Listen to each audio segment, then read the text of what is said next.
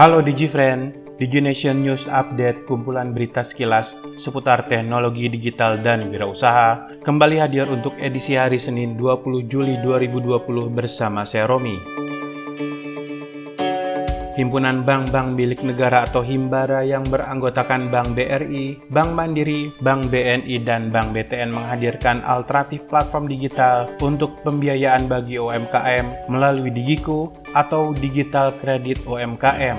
Layanan ini merupakan kerjasama antara pemerintah, Himbara, dan pelaku ekosistem digital sebagai bagian dari gerakan Bangga Buatan Indonesia. Melalui produk ini, pelaku UMKM bisa mendapatkan pinjaman modal dengan proses yang cepat dan sepenuhnya digital. Untuk besarannya sendiri, para merchant bisa memperoleh tambahan modal hingga 20 juta dengan tenor atau jangka waktu pinjaman mulai dari 1 hingga 12 bulan. Menteri Koordinator Bidang Kemaritiman dan Investasi Luhut Binsar Panjaitan mengungkapkan, melalui inovasi program ini bantuan modal finansial senilai 4,2 triliun rupiah akan disalurkan bagi 1 juta unit UMKM yang ada dalam ekosistem digital. Program ini akan menyelaraskan basis data mitra UMKM pada ekosistem digital dengan basis data nasabah yang dimiliki Himbara. Keselarasan data ini akan memudahkan dan mempercepat proses pengajuan kredit bagi UMKM hanya dalam waktu 15 menit.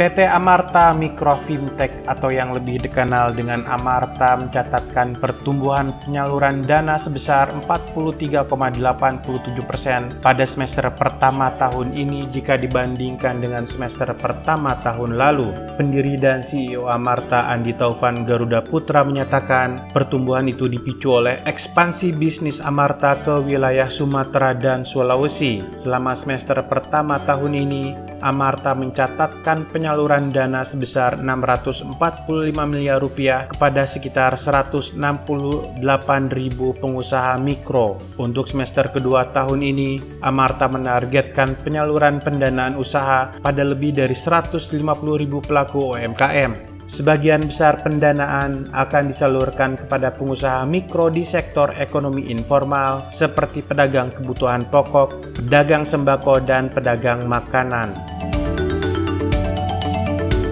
Kementerian Komunikasi dan Informatika akan segera membuat pusat monitoring telekomunikasi untuk mengukur kualitas layanan penyelenggara telekomunikasi di Indonesia. Direktur Jenderal Penyelenggara Pos dan Informatika Kementerian Kominfo Ahmad Emrami menyatakan, pengukuran kualitas layanan ini dapat dilakukan dengan beberapa pendekatan, mulai dari uji statik, drive test, hingga pelaksanaan pengukuran kualitas layanan yang dapat dilakukan secara rutin dan mendadak. Beberapa indikator layanan yang akan dipantau adalah layanan suara, pesan pendek, kecepatan pengunduhan dan pengunggahan, serta kualitas video pada layanan over the top.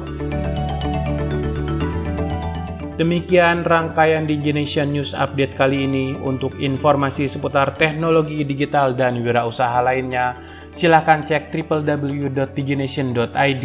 Salam dan terima kasih.